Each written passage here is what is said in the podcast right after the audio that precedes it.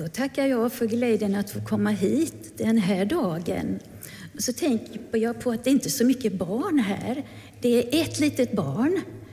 Och då tänkte jag att då kan vi väl... Då gör vi så här allihopa. Om vi sträcker ut en ena armen och så tänker vi att det här är en väg. Och så tänker vi så här att många barn kom för att möta Jesus. Somliga barn gick.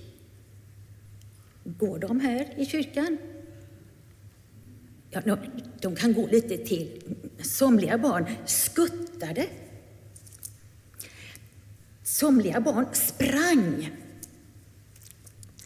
Alla barnen klappade sina händer. Alla var glada att få möta Jesus. Det var repetitionen. Många barn kom för att möta Jesus. Somliga barn gick. Somliga barn skuttade. Somliga barn sprang. Alla barnen klappade sina händer. Alla var glada att få möta Jesus. Och det tror jag att vi stora är också. Nu ska jag läsa en bibeltext från Johannes evangeliet. Jesus sa, när Hjälparen kommer som jag ska sända er från Fadern, sanningens ande som utgår från Fadern, då ska han vittna om mig. Också ni ska vittna, hur ni har varit med mig från början. Det fanns, det fanns en gång en känd bibellärare som hette Gustav Wingren som uttryckte sig så här. Ordet är det sätt varpå Kristus färdas när han kom genom mänskligheten på väg mot sin synlighet. Martin Luther sa också något annat. Han sa så här. Ordet är den krubba som Jesusbarnet vilar i. Det tycker jag är lite vackert.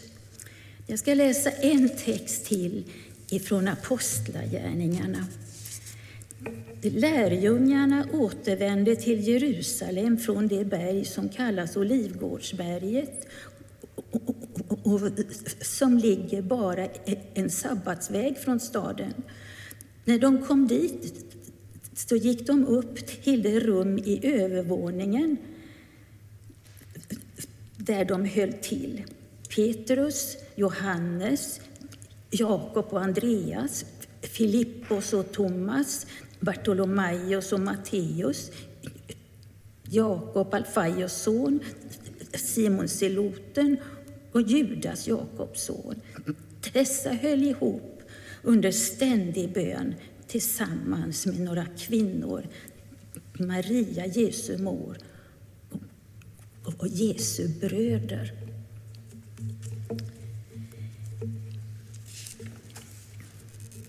Ja, den här senare texten det är Lukas korta beskrivning utav mellantiden.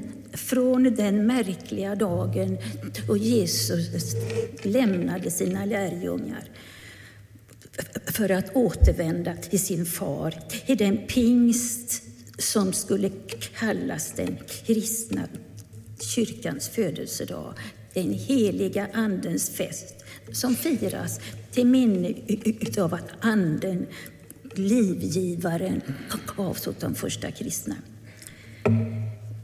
Redan i Bibelns första bok, det första kapitlet, så talas det om, om Guds ande, En svävar över vattnet. Det, talas om, om en Guds vind. Lite längre fram då får vi reda på att det är genom Anden som Gud skapar och förnyar världen. Det gamla testamentet det betonar speciellt Andens livgivande funktion. Men Gamla testamentet pekar också mycket tydligt framåt. För när Messias en gång kommer, då, då ska Messias på ett speciellt vis vara utrustad med Guds ande. Vishetens och insiktens ande, skriver profeten Jesaja. Klokhetens och kraftens ande, kunskapens och fruktans ande. Guds fruktans ande. Ja, tiden mellan Kristi himmelfärdsdag och pingst är väntans tid.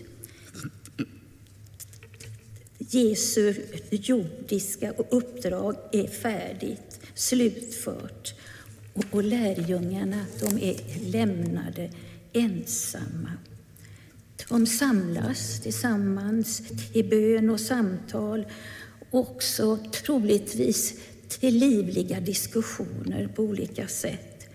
När ska det inträffa, det som Jesus har utlovat?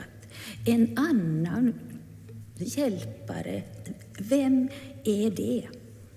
Till synes tomma dagar, dödtid, en lång transportsträcka utav ingenting. Ja, vi kan nog också känna igen oss ibland från våra liv. Gode Gud, ge mig tålamod, men fort. Väntans tider de kan vara nödvändiga, värdefulla om det finns ett mål i sikte. Den som väntar barn exempelvis behöver mogna och växa till föräldrauppdraget. För många år sedan bodde vår familj i Kongo-Kinshasa och tiden innan utresan den verkade oändlig. Men den var nödvändig för att sätta oss in i uppgiften, förbereda barnen på det nya som skulle ske, packa och så, och så vidare.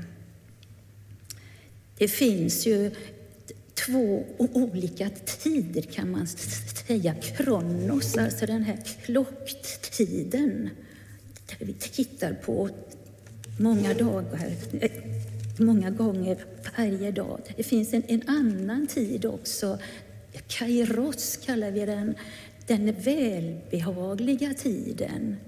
Den, när tiden är inne. För lärjungarna och de andra som funnits kring Jesus, som samlades i den övre salen i Jerusalem ja, då var, var väntan också något mer.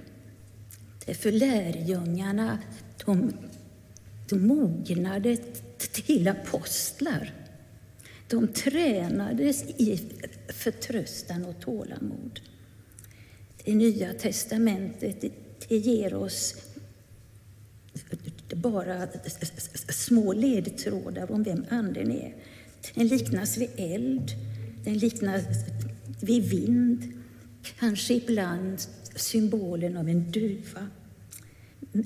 Men vi får veta desto mer om vad Anden gör. Därför där Anden tar, drar fram, där sker det saker.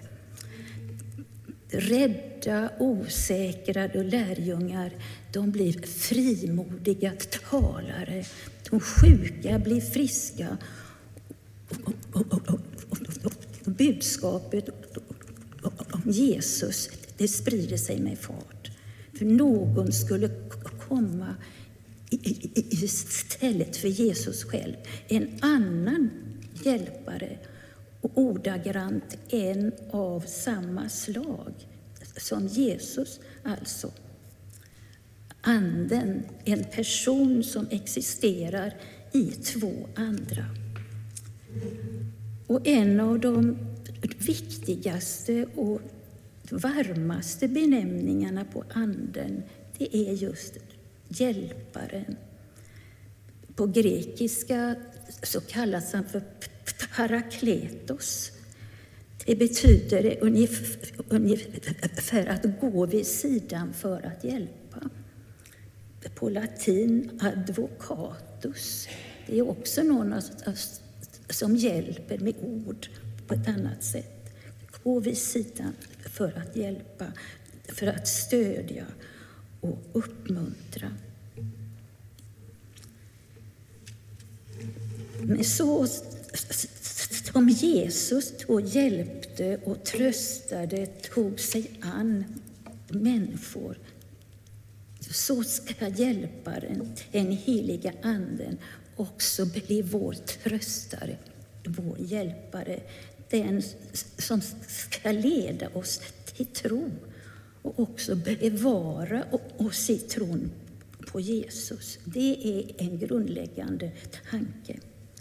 Ingen av oss kan tro av oss själva. Det måste den goda Anden hjälpa oss med. En som tar emot stöd och hjälp ifrån Anden det lär känna Gud allt bättre. Jag nämnde Kongo nyss. När man då bor i en liten by i Kongo då har man inte rinnande vatten inomhus utan det vattnet det ska transporteras ifrån en källa till hemmet. Det bär ju kvinnorna på huvudet i sina eh, eh, bunkar där. Och man har en hink i handen kanske. Men det skvimpar ju ändå ut på vägen. Så det bästa det är att ha e, e, e, en, en dunk, en vattendunk. Men det kunde inte många ha. Det var någon enstaka bara. Det var för dyrt att inköpa. Men ehm, då blir ju vattnet kvar i dunken i alla fall om locket är på. Och ehm, Dunken var lyxvara. Det fanns i Kibonse, där vi bodde, en källa dit man ofta gick för att hämta vatten. Det var, det var lurigt att gå dit för folk. För det, det bodde det, en väldig orm, en stor boaorm. Det gällde att vara försiktig. Då sänkte man ner dunken i vattnet. Den fylldes med vatten. Och en förutsättning för att den ska fyllas med vatten är ju att då locket är, är av. Med locket på då kan man, man ju bli stående där i vattnet precis i eviga tider. Mitt i flödet. Men det händer ingenting. Dunken den fylls inte. Det är ungefär likadant med Anden, tänker jag. Att vi måste vara öppna för hjälp och stöd. Våga, vilja ta emot. Tron på Jesus Kristus är ett sätt att leva. Tron den bevaras genom att man lever i den, praktiserar den. Den är inte främst en metod för att tänka eller reflektera, för tron den måste levas. Livet i tron på Jesus kan nog då sägas vara ett äventyr fullt av överraskningar, av otippade livsval i, i kompanjonskap med Jesus. Jag tycker om ord. Jag tänker på detta med kompanjonskap. Kompanjon och kumpan, det är likadana ord. Det betyder alltså på latin den som man delar brödet med. Så vi blir kumpaner. Vid nattvarden exempelvis, då är vi kompanjoner med Jesus allihopa. Vi är kumpaner. Som 13-åring då for jag på mitt första tonårsläger på Sjöviksgården. Jag antar att det finns kanske några här som också var där för länge sedan. Och på kvällarna satt vi där i lägerkyrkan och lyssnade på vittnesbörd från olika unga människor. Jag visste ingenting om någonting, kan man säga. Men den tredje kvällen, då stod det klart. Yes, jag ska bli en kristen. Det är vad jag önskar mig. Och så formulerades efter en liten stund Eh, orden i mitt inre. Jag har aldrig levt för. Men nu lever jag. Omtumlad kom jag hem, berättade för min mamma. Men hon förstod mig inte. Men det nya livet var påbörjat och glädjen sprang fram i mitt hjärta. Andens glädje som är av ett annat slag än den, den glädje man kan möta i exempel idrottens, reklamens och underhållningens värld. Ja, det var väl fantastiskt att Ukraina kunde vinna Eurovision Song Contest. Det blev jubel och glädje. Euforiskt faktiskt. Välbefinnande, det är det ordet som det betyder. Den starka lyckokänslan. Ja, den, den segern det var nog välförtjänt. Det var begripligt med extasen för Ukraina. Men det var säkert ändå en annan glädje än den som Anden ger. För Andens glädje förändrar de människor på djupet. Den kan påla likt en liten bäck i hjärtat. Och, och också då livet är krångligt och besvärligt och påfrestande. Anden förvandlar oss och vi befinner oss nära Gud. Och Andens specialitet är den nya skapelsen. Det som var dött, det blir levande. Och Anden vill göra bibelordet levande genom att det generella, det blir personligt. Gud älskar oss. Det blir istället Gud älskar mig. Genom Anden så blir Bibeln ord som gäller mig, som pratar direkt till mig.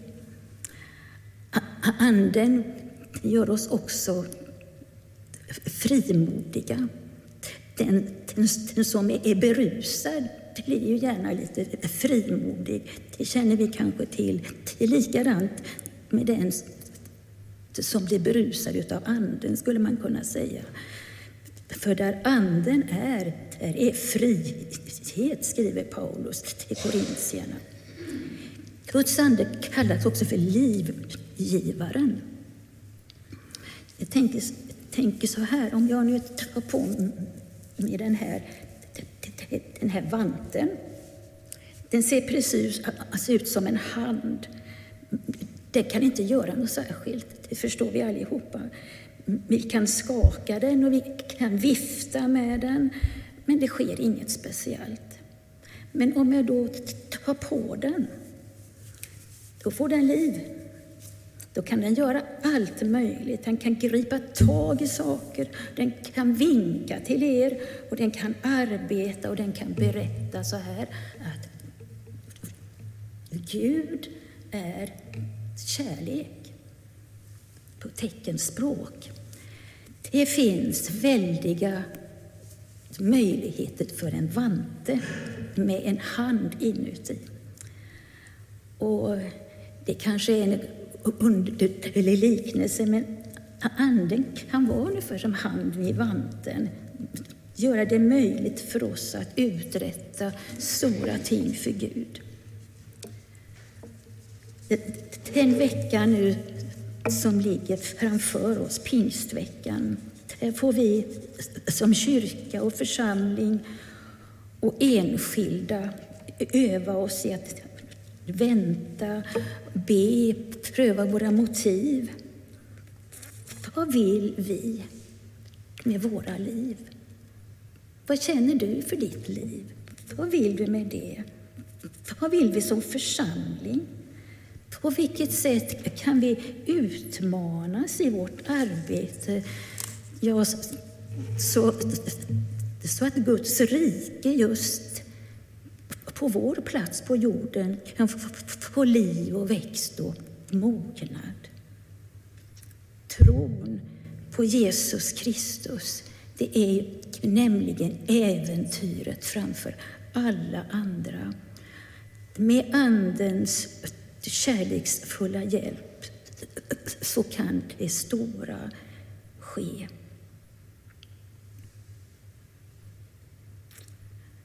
Amen. Vi tackar dig, Herre, för ditt ord. Vi ber dig att du ska hjälpa oss att lyssna till ditt ord, att leva ditt ord också. Att våga. Vi ber om frimodighet och glädje. Då vi ber också att få, få redskapen för att vara dina tjänare på den här platsen på jordytan. Tack för att du älskar oss var och en. Du känner våra namn. Du älskar oss och vill oss väl. Vi tackar dig. Amen.